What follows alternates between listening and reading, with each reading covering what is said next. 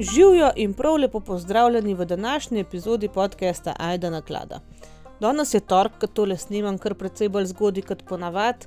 Uh, nisem šla v službo danes, ker sem imela en pregled in sem stisnila v dan še tole snemanje, ki ga mogoče sicer niti ne bi bilo. Zakaj ga ne bi bilo, vam povem čez približno 20 sekund. Uh, samo da vam povem, da današnja epizoda ne bo kriminalne narave, se bo dotikala malo zgodovine, malo pa kakšnih zanimivih dejstev.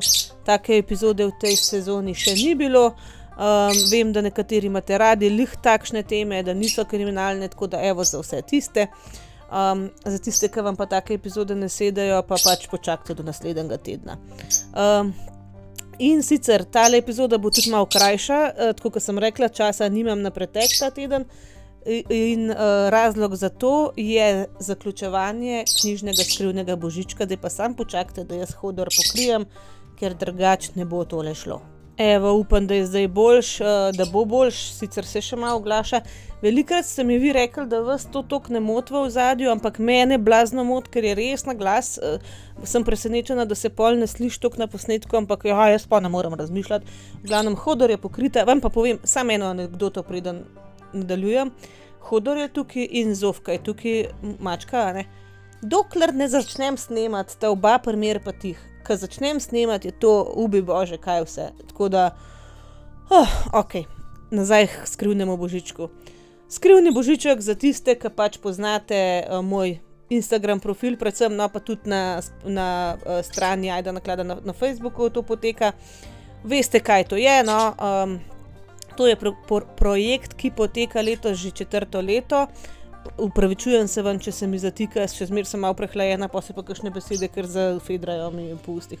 V glavnem, um, že četrto leto poteka uh, in je v grobem nekakšna knjižna izmenjevalnica z mogoče dodano vrednostjo. Rečemo, uh, ker v bistvu ideja tega je, da ti poveš seznam knjig, ki bi jih oddal, in uh, žanre, ki jih rad bereš. Potem pa jaz eh, iz tega ogromnega seznama uh, pokombiniram, se pravi, Johanca rada bere kriminalke, um, Tončka kriminalko podarja in Tončka pošlje Johanci kriminalko.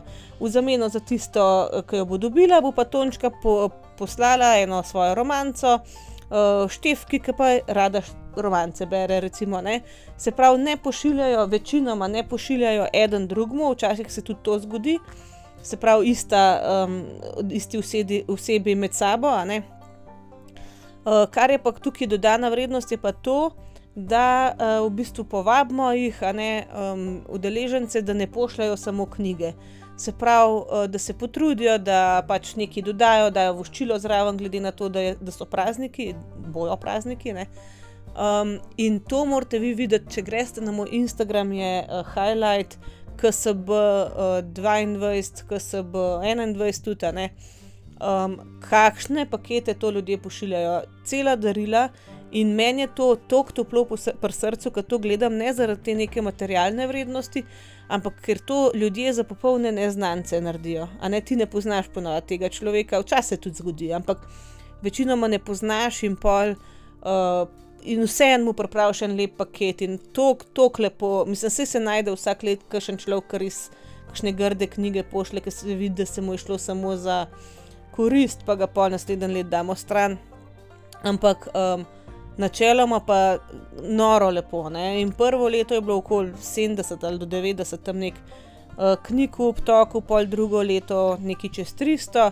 Lani je šlo pa na pot, mislim, da je več kot 1300, okoli 1330 uh, paketov, pa glede na to, da so nekateri poslali cele serije, recimo več knjig skupaj, je bilo okoli 1500 knjig vse skupaj. Tako da letos je trenutno, mislim, da okoli 1200 knjig, pa prav dost večjih ne bo, uh, ampak to je meni noro velika številka. In uh, to moram jaz pa vse ročno skombinirati, se pravi za vsako knjigo pogledati, kako mu bo šla, poslati sporočilo, pošljati to temu. In zato v bistvu imam ta, ta teden čas še, ne smo zmenjeni do 25. novembra, dobijo te podatke.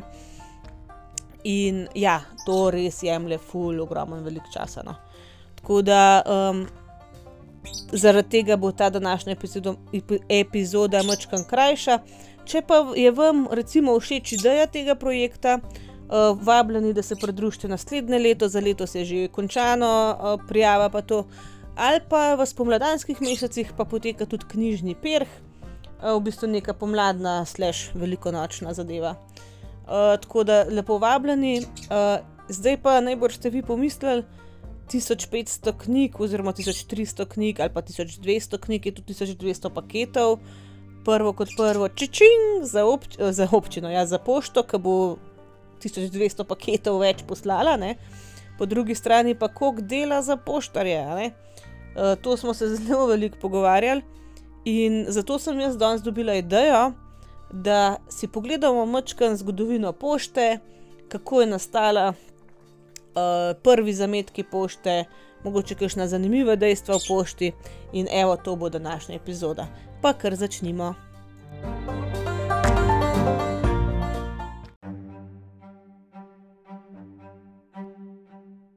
Ok, um, nobena skrivnost ni, da so ljudje že od začetka, že od prazgodovine naprej, uh, si sporočali stvari. Zdaj, um, kaj so si sporočali, je bilo zelo odvisno od tega, v kako veliki um, skupnosti so živeli, pa na kakšnih, uh, na kakšnih razdaljah so se gibali. Recimo na začetku, ko so živeli v zelo majhnih skupnostih, se pravi po par hiš skupaj, recimo ena družina ali pa par družin, uh, ni bilo veliko sporočanja, seveda. Uh, ko se je pa to širilo, je pa prišlo kar naenkrat fulje več enih tudi sporočil različnih, ki si jih mogel nekam prenesti. Ne? In ko so se začele te prve, um, nekako prva naselja združevati v cele uh, kulture in civilizacije, se je seveda pojavila tudi potreba po nekih storitvah, ki bi bile, bile namenjene samo in zgolj sporočanju nekih stvari. Ne? Zdaj, kje nekako uh, je prvič nastala pošta, ne vemo, če zagotovo najbrž ali v antičnem Egiptu, Egiptu ali pa na Kitajskem. Imamo recimo neke uh, podatke, da so že 2000 let pred Kristusom v Egiptu faraoni imeli nek svoj sistem kurirjev, s katerimi so prenašali sporočila po, celem, uh, po celi državi, po celem kraljestvu. Um, ampak pač ta, uh, ta, te usluge nekako so bile namenjene samo in zgolj faraonom. Uh, kar se pa tiče Kitajske, so pa v času dinastije Čov, uh, tisoč let kasneje, se pravi tisoč let pred Kristusom, nekako um, naredili prvo poštno storitev, am, oziroma mi imamo podatke, da je takrat že bila, tako da nismo pa čisto sigurni, ali je bilo prej na Kitajskem ali v, v Egiptu, tam nekje uh, se je gibal, so pa zgodnejši podatki iz Egipta. No. Zdaj uh, v v, um, v, na kitajskem je pa zagotovo bila, mislim, skoraj zagotovo prvič razvita nekako uh, ta prvič razvit sistem teh pošt kot stavba. Um, v smislu, da so pač uh, malo nadgradili nekako ta način pošiljanja, um, sploh pod uh, mongolskimi cesarji oziroma carji takrat, kasneje.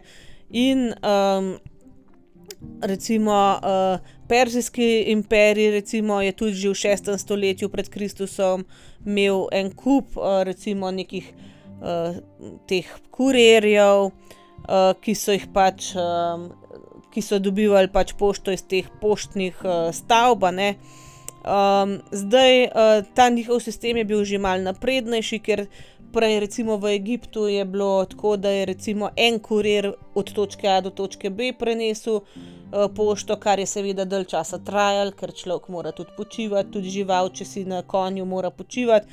Medtem je pa recimo v Perziji so že razvili nekakšen sistem, um, kot bi rekel, štafete, da je recimo prinesel do nekje, pa nekdo drug naprej, ali pa recimo so, se je tam razcepil, pa je tri sporočila prinesel, pa je vsak od treh korirjev nesel svojega v svojo smer in tako naprej. Zdaj, ta sistem, ne, ta perzijski sistem, so različni uh, zgodovinarji, grški, predvsem opisovali, recimo Herodot, pa Xenofon. Uh, sploh Herodot no, je že leta ti, uh, ne, tisoč, uh, 500, samo 500 pred Kristusom opisal ta perzijski sistem um, z besedami približno tako: no. uh, ne, uh, ne vihta, ne dež, ne sneg, ne noč, noč ne more ostati teh kurirjev, da ne bi upravljali svojega dela in prenesel sporočila. No.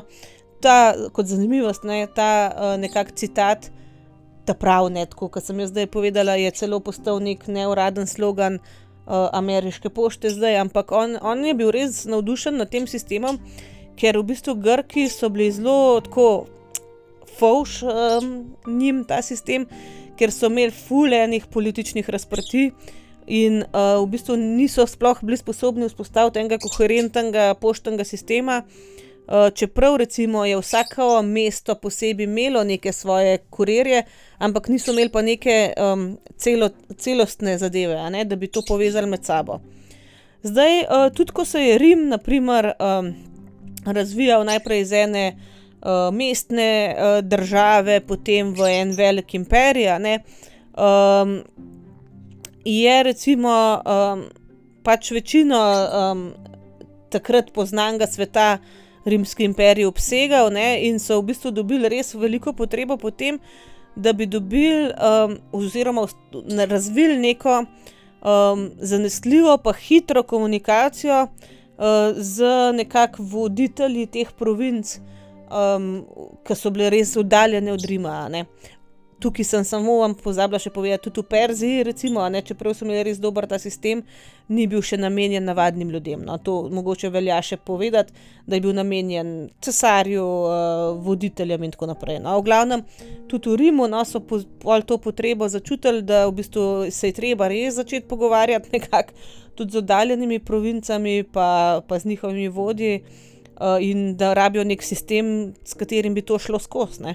In zdaj tem zahtevam je vendarle nekako ugodil tako imenovan kursus publicus, oziroma publicus, kako se prebere, uh, ki je bil pa najbolj eh, razvit in uh, najbolj, pač najbolj razvit poštni sistem tega antičnega sveta. Zdaj, um, nekako v letu 30-50, tam nekje pred Kristusom se je to razvil, cesar August je to razvil. Uh, zdaj, prve stopnje tega kursa Publicus uh, so v bistvu uh, razvile nekako, oziroma določile neke intervale po uh, teh glavnih cestah v imperiju in uh, v bistvu nekako naredile to del uh, njihove vojske in, administra in administracije. Um, se pravi, v, ta, v te dva sistema so vključile še pošto, in recimo nekako. Um, ta uh, hitrost, s katero so lahko potovali, uh, potovale pošiljke, ne, uh, je bila nekako um, približno uh, 50 mil na dan, takrat to je recimo tam 80 km na dan. Pravijo, da v nekem vrhuncu tega pa naj bi bilo celo več kot 170 mil oziroma 270 km na dan. Um, se pravi v dnevu in noči, no, uh, se pravi v 24 urah. Um, Zdaj, da je to potekalo uh, tako, kot je treba, je bilo, tre je bilo potrebno velike organizacije um, in tudi neki inšpekcijski sistem, ki je kontroliral v bistvu delovanje tega sistema in uh, nadzoroval tudi, da ne bi pač nekdo zlorabljal sistema za neke zasebne zadeve. Zdaj bi se sam tukaj ustavila, ne 270 km na dan, da pretek. Pre, pač naredi pošiljka, to se nam zdi tako nauč, ali pa 80, da imamo reči 80 km, nauč se ti zdi to uh, pač malo, a ne. Ampak če jaz danes dam na pošti bled pošiljko, ne vem, nisem jo bo dobil najbrž na drugem koncu Slovenije, v eni kungoti, spet se na kungoto spravljam, jutri človek ali pa čez dva dni, a v Ljubljani, ki je v bistvu bližji, jo bo dobil, pa ne vem, čez šest dni. To res včasih ne razumeš, po kakšnem kopitu um, te um, pošiljke potujejo, ampak jaz vidim, da manjše pošte, to en, dva, tri pride. Uh, recimo večje mestne pošte v Ljubljano, sploh pa hod to sto let. Da, če bi pošiljka v zdajšnjih časih v enem dnevu naredila 80 km, s tem, da pač pride do človeka dejansko v tem času, a ne, uh, Uh, mislim, vsa čast bi bili mi čisto zadovoljni, meni se zdi. No, ko je v petem stoletju, zdaj že našega štetja, propadel rimski imperij, no, uh, ni to pomenilo, da se je ta kursus publicus čist uničil. Zdaj, um, prednosti tega sistema so bile res očitne tudi za te barbarske voditelje nove, recimo Teodor, kralj Ostrogotskega kraljestva, ki je Italiji nekako, mislim, na področju Italije vladal od leta 493 do 526, je recimo sploh znan po tem, da je ohranjal te osnove rimskega poštnega sistema znotraj teh svojih meja. Tudi recimo v zgodnjem 9. stoletju pod Karolinškim imperijem so recimo te domene nekako kursus publicusa bile še vedno prisotne, te poti in tako naprej, in tudi te pošte kot stavbe so bile ohranjene. Zdaj niso um, te njihove uh, storitve bile lih po nekem, um, po nekem urniku, ne um, organizirane, um, je bilo pa vsaj približno uh, redno, a ne ta zadeva pač potekala, ni bilo zdaj tako vsak dan od te do te ure bomo prenašali, ampak je pa bilo to redno, ni bilo zdaj to vsake kvatre, pa tam eno pismo šlo iz enega konca na drugega. Zdaj, ko, pač ta, ko so te rimske ceste začele razpadati, pač čist fizično razpadati, um, in uh, ko recimo te um, različne države in kraljestva, ki so na njih mejile, oziroma ki so jih imele pač na svojem pač ozemlju, ko so se te države začele upirati, da bodo to kar naprej vzdrževale, ker je bilo drago. Uh, in ko je začela pač tudi Evropa se politično drobiti, uh, je v bistvu to povzročalo, da je pa celoten ta poštni sistem rimski enostavno izginil. No. Pač cest ni bilo, države so bile razdrobljene, ni, ni imel več sistema, da je to vse skupaj urejen v nek uh, enoten sistem. Um, Zdaj uh, v Bizantinskem imperiju, recimo, je pa ta kursus publicus uh, malo dlje nekako obstal, ne? ker v bistvu te njihove uh, pač bizantinske province so bile kasneje samo nekako priključene uh, temu uh, islamskemu imperiju. Uh, in um, zdaj uh, so pač samo um, nekako vključili ta kursus publicus v en arabski poštni sistem, ki so ga pa v bistvu v Bagdadu takrat že razvili, je bil tudi v Bagdadu um, nekako center tega sistema in so ta kursus publiku samo priključili na ta njihov že obstoječ sistem. Uh, zdaj pa kar se uh, tiče Amerike, a ne ZDA.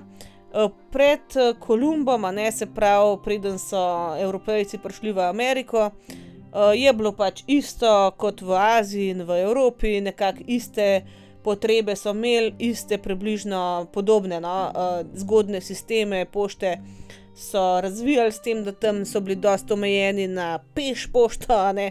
Um, recimo uh, v Inkovskem imperiju, pač v Južni Ameriki, ne, so pa dejansko imeli tudi pošte kot stavbe, poštne stavbe, in tudi. Um, Uh, dejansko so imeli čist intervale, redne intervale, po katerih je pošta prehajala po uh, nekih uh, pač glavnih, uh, po glavnem cestnem omrežju.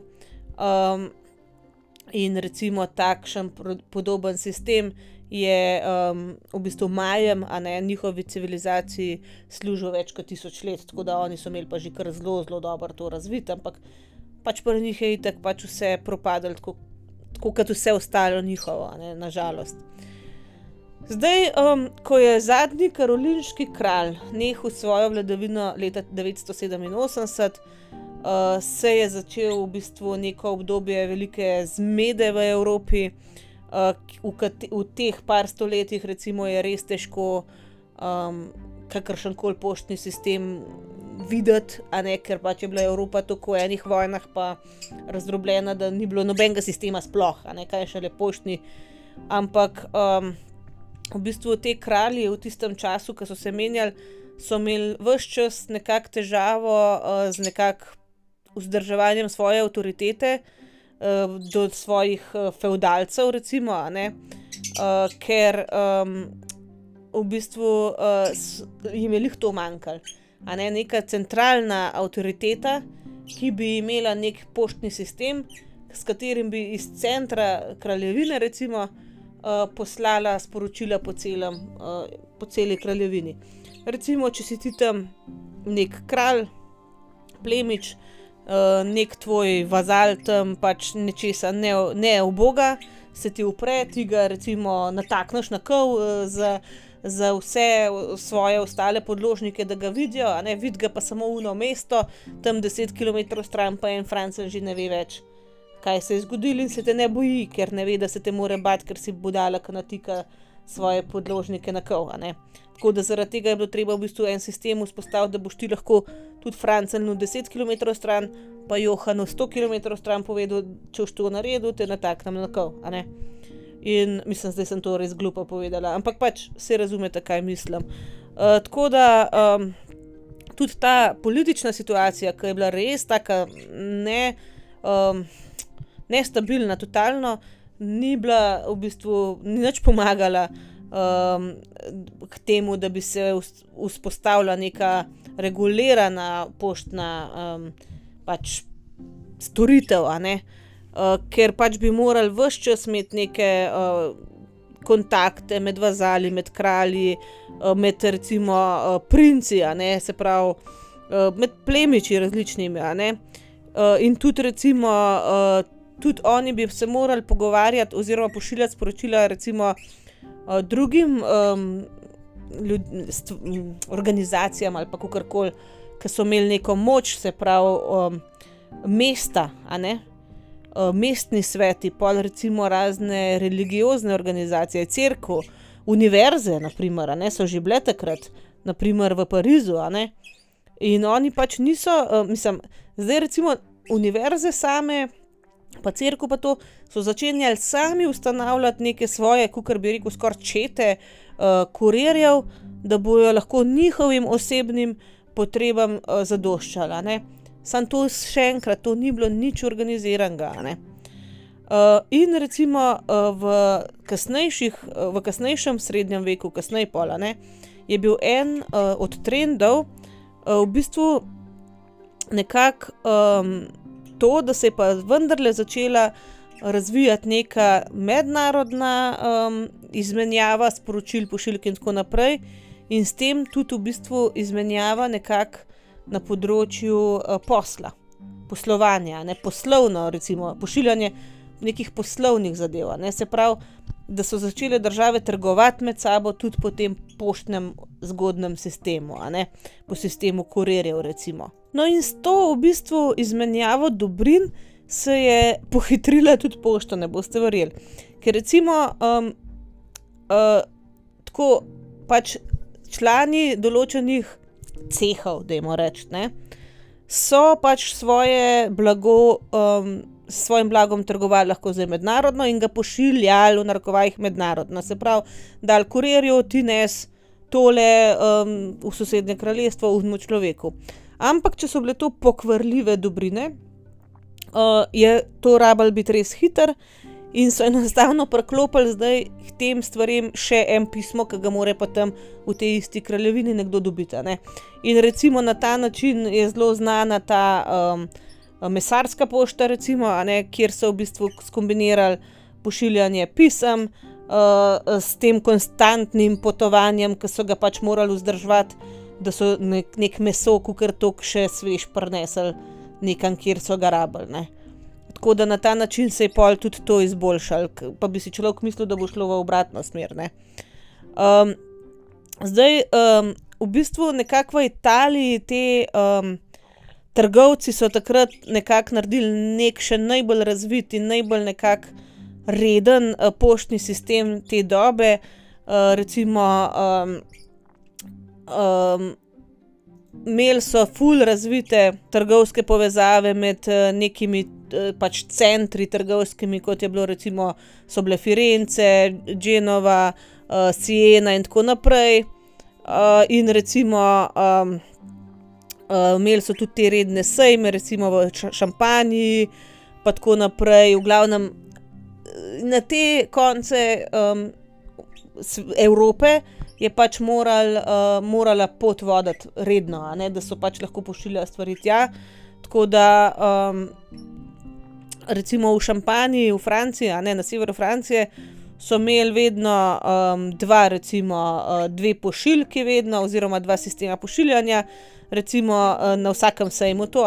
Prvi je um, um, poslal, recimo, naročila um, drugemu, se pravi, prvi sistem je odposlal naročila, drugi jih je pa potem dostavil um, pač tistim, ki so ta naročila oddali. To je bilo zelo regulirano, zelo je bilo treba. Um, Zelo je bilo določeno, kak, na kak način bojo prevzeli ta um, pač naročila ljudje, uh, koliko bojo ljudje plačali, to, koliko bojo te ljudje, ki to delajo, plačani. Uh, v glavnem, uh, urnik je bil narejen, to je bilo zdaj že čist po sistemu, ki ga mi poznamo zdaj.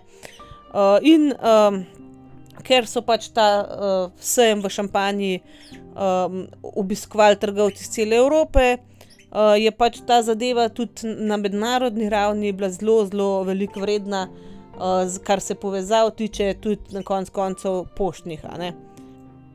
No, so pa italijanski uh, trgovci v tem času v bistvu bili tudi. Uh, Nekako uh, zasluženi za edino uh, izvenevropsko povezavo poštno in sicer uh, v tistem času. Ne? In sicer to je bilo med Benetkami in Konstantinoplom.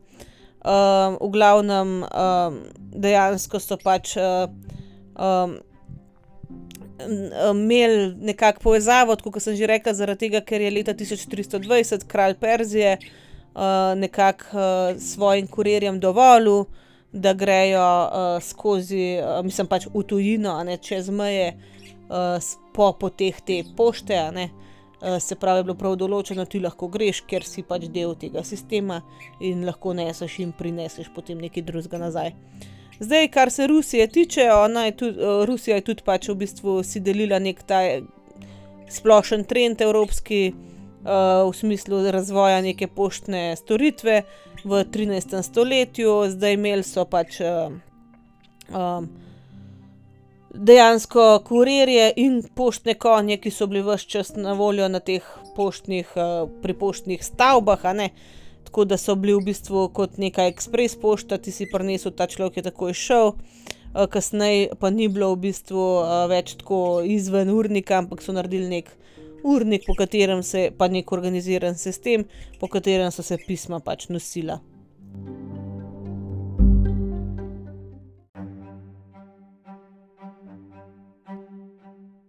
No, če sem prej parkrat poudarila, da je bil poštni sistem namenjen bolj vladarjem, pa nekim voditeljem, je bil recimo v poznem srednjem veku že tudi namenjen v bistvu malemu človeku, komorkoli, uh, brez neke hude poštnine, se pravi, da ne, ni rabo človek neki ful plačati. Uh, da bi poslal neko pismo, kar je bilo dokaj razumljivo, ker v tistem času je bilo pismenih ljudi, bolj kot ne nič, a ne zelo, zelo malo. Ampak um, v poznem 15. stoletju, ko je pač se uh, razvil tiskarski stroj, ne, uh, in ko se je pač zaradi tega tudi izobrazba nekako uh, pohitrila, nekako razvila, razširila, uh, je prišlo v bistvu do vse več potreb po uh, pošiljanju pisemskih pošiljk. Um, in to je začel radvati kar tak zelo um, donosen posel.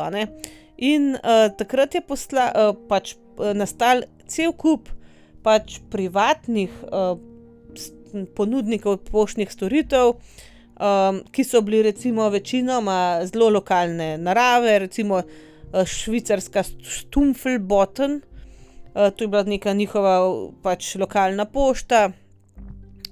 Uh, recimo v Avstriji je neka družina par, uh, razvila poštno organizacijo čist na nacionalni ravni, se pravi, oni so neko privat eh, pošto naredili čist na nacionalni ravni, to jaz predvidevam, da je tako bolj kot je recimo v tem času, ko so vsi te GLS, pa te razne druge kurirske službe, recimo.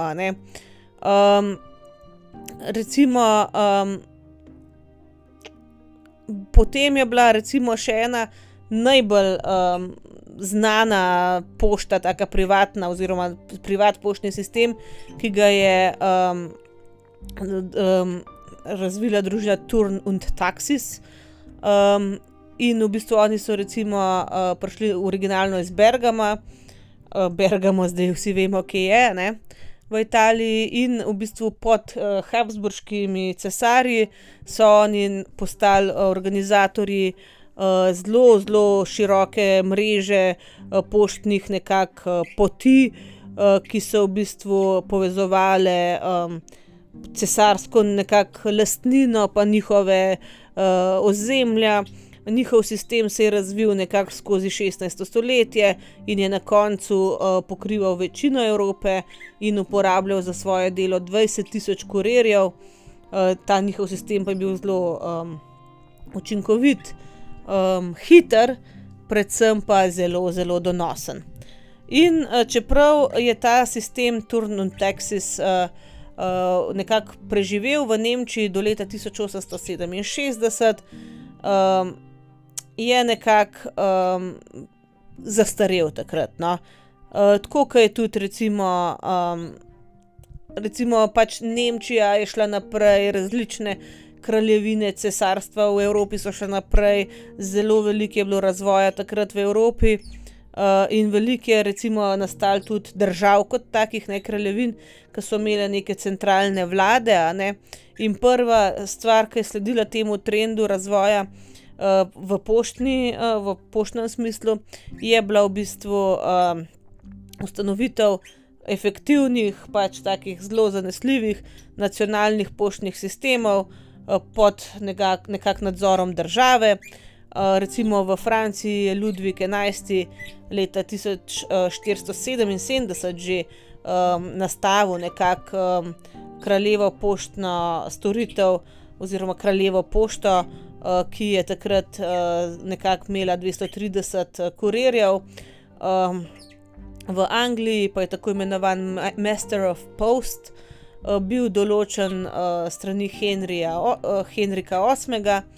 Uh, leta 1516, ki je in ta, ta Master of the Posts, ne, se pravi um, poglavar uh, po, pošte ali whatever, vodja pošte, on je recimo pa bil zadolžen, da je pač nekako skrbel za poštne storitve, uh, ki so tekle po nekih glavnih cestah uh, in so v bistvu šle ven iz Londona. Se pravi, London je bil centrala, ven iz njega so pa šle pač te vse poštne povezave. Zdaj, noben od teh sistemov ni bil, um, recimo, zelo tak celosten, ni bil niti uh, namenjen pač javnosti. Um, zdaj, um, veliko je bilo v bistvu nekih neuradnih zadev, ki so se pač uh, širile po tem poštnem sistemu, ker pač ni bilo nobenega nadzora in v bistvu, ko so probavali. Ne, mislim, ukiniti to, da bi pač uh, privat ljudje kar neke stvari pošiljali. Um, recimo v Franciji, ne so ugotovili, da da ne bo šlo, ne, da ljudje pač morajo tudi privatke izporočati in so zaradi tega rajš legalizirali privat pošiljke okrog leta 1600. Ne, tako da uh, nekako čist uh, uradno pa javna pošta ni bila um, nekako v Franciji ustanovljena do leta 1627, ko so pa vendarle naredili pač pošte kot stavbe postavili, urnike določili, kdaj se bo pošta pač eh, pošiljala in tako naprej. V Veliki Britaniji pa je bilo v bistvu um, javna pošta ustanovljena leta 1635 um, in uh, od takrat naprej je bila namenjena vsem navadnim smrtnikom. Zdaj v Evropi se je pol pošta še naprej razvijala, jaz ne bom vseh nekih uh, regulativ, pa tega vam naštevala, ker res ni zanimivo. Skočimo pa mogoče čez luže v Združene države Amerike.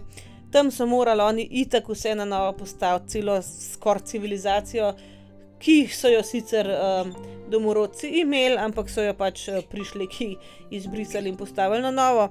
Uh, in prav tako je bilo treba spostaviti neko pošto, um, zdaj nekako neki. Um, neki prvi uh, dogovori o čezoceanski pošti uh, segajo nekam v leto 1639, ampak kar se pa nekega sistema poštnega tiče, ni bilo pa nič kaj dosti narejeno do leta 1753, ko, so, ko je v bistvu pod uh, taktirko Benjamina Franklina uh, pač bila vzpostavljena neka pošta, nek poštni sistem. Um, tako da um, potem se je pa razvijal tako naprej, kot se je. Zdaj, kasneje se je seveda pošta preoblikovala v neko zadevo bolj komercialne narave, ki ni bila več nekako pod nadzorom, pa taktirko države, uh, tako kot je v bistvu zdaj, uh, pač plačaš, a ne. Um, da nekaj pošleš, uh, noben niti kaj dosti ne kontrolira, kaj si poslal, razen ko gre pri mednarodnih pošiljkah, ki pa vemo, kar se carine in tega tiče, to je druga stvar. Zdaj pa, da vas ne zamorim čist z nekimi zgodovinskimi dejstvi, jaz ne vem, se vam tudi zdi, ampak meni se zdi pol nekako od uh, srednjega veka dalje, ko se že vzpostavijo neke bolj moderne verzije vsega, mi sploh ni več tako zanimivo. No?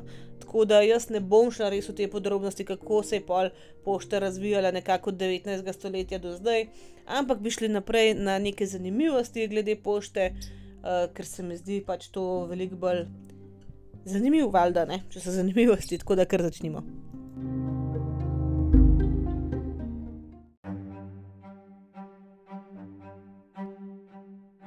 Sem rekla, da vam ne bom več z letnicami morila, ampak evo, malo vam še bom. Uh, v, v Združenem kraljestvu, v vasi, ki se reče Šankvar, Šankvar, je najstarejša, najstarejša pošta kot stavba na svetu in že 311 let, v, v bistvu, ali še več, ja, 311 let, ja, uh, deluje. Pač od leta 1712 deluje in še vedno je odprta. V druga vrsti je pa v Štokholmu, ki je pa bila odprta leta 1720 in tudi še vedno obratuje. No, leta 1913 uh, so v ZDA nekateri starši dejansko uspeli poslati svoje otroke po pošti. In sicer so um, uporabljali nek, um, neko storitev, ki je bila namenjena pošiljanju, um, recimo, perutnine, uh, pa ostalega, ostale živine oziroma živali, ki so tehtale nekako do 22,68 kg, uh, zelo natančna meja je bila se pravi, ti si lahko živo žival nekam poslal. Uh, ta zadeva je stala manj kot en dolar in to je bilo veliko, veliko cenejše kot karta za vlak. Ne? In oni so pač mulca spakirali v tisto kletko in ga po, po, sorry, po pošti poslali za en dolar nekam na mestu, da bi ga na vlak dal. Ampak leta 1914 uh, so dejansko uh, prepovedali, da se pod pošti otroke pošilja. Um, in ena družina naj bi dejansko poslala svojega uh, sina za 15 centov k svoji babici na počitnice. Oh. No, v Londonu še do današnjega dne uh, redno pošte dobivajo pisma naslovljena na Sherlocka Holmesa, ki živi na 221b Baker Streetu. Tako da še vedno mu ljudje uh, pisma pošiljajo.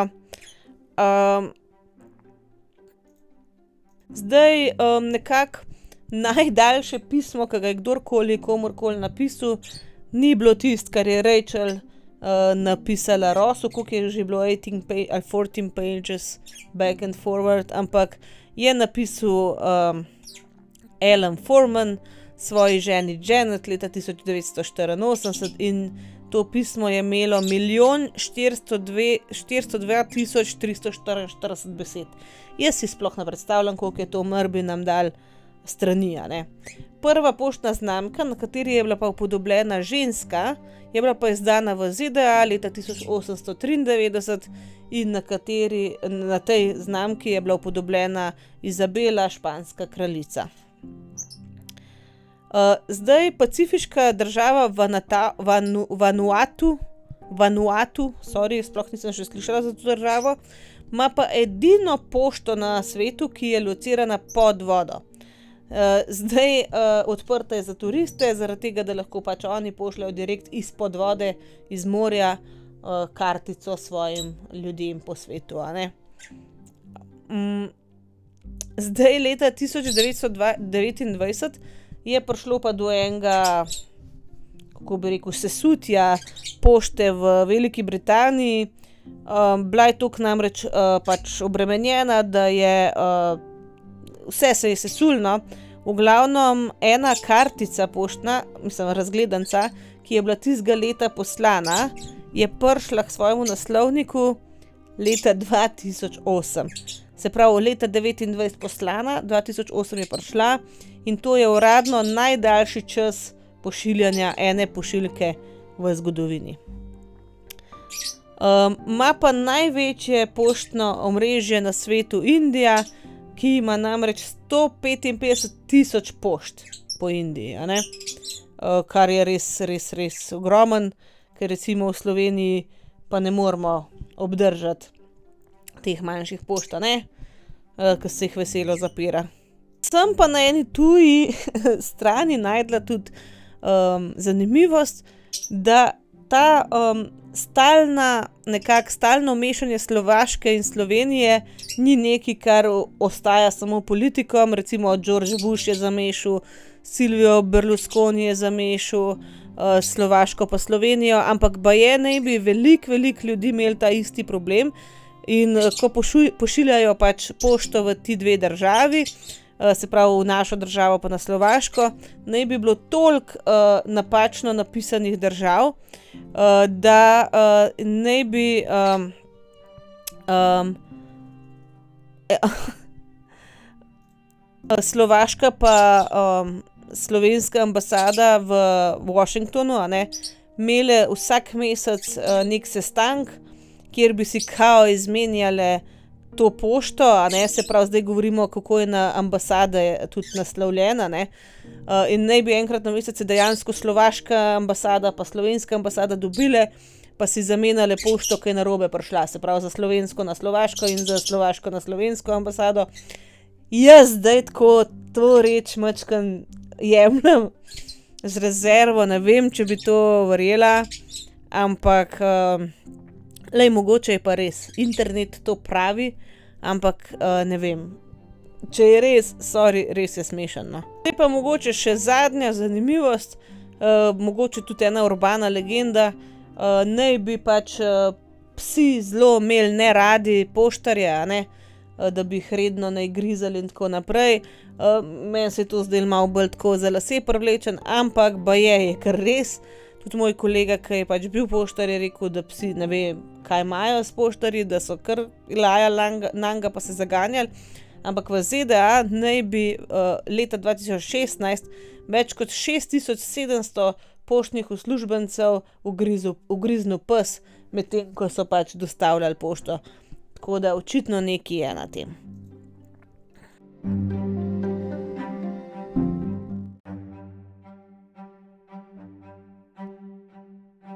Za današnjo epizodo bo to to. Kljub temu, da je kar kratka, sem jo v bistvu dost dolg snemala zaradi vseh možnih motenj mesa, ne živali. Uh, tako da uh, upam, da vam je bila kukar tako všeč, malo drugačna je bila. Uh, gre pa tudi zahvala vsem poštnim uslužbencem, vsem poštarjem, vsem, ki se res trudijo, dostavljavcem, ki se trudijo, da je naše življenje lažje s tem, ki pač um, uh, si lahko kaj naročimo domov.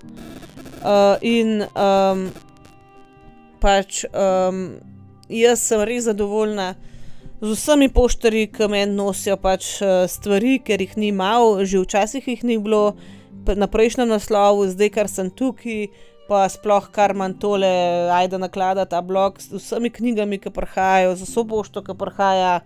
Mislim, res vsa čast mojim poštarjem, tako dobro se vse zmenimo. Eh, pokličejo, pošle mesič, pove, ki je pusto. Mislim, vsaka jim čast, res, res sem jim hvaležna. Uh, tukaj jim sicer ne vem imen, ker so pač različni uh, gospodje, nosijo meni pošto tukaj, a ne se malo menjajo. Drugač pa recimo prej v Moravčah, Borut, uh, odličen poštar, on je res njim se je dal vse zmeniti. Um, meni se zdi, da je tukaj tudi ta človeški faktor um, da malo premisli. Recimo, tle na Bledu enkrat sem naročila, da se naročiti namreč recimo akvarijske ribe ali pa rastline ali pa kaj, ne.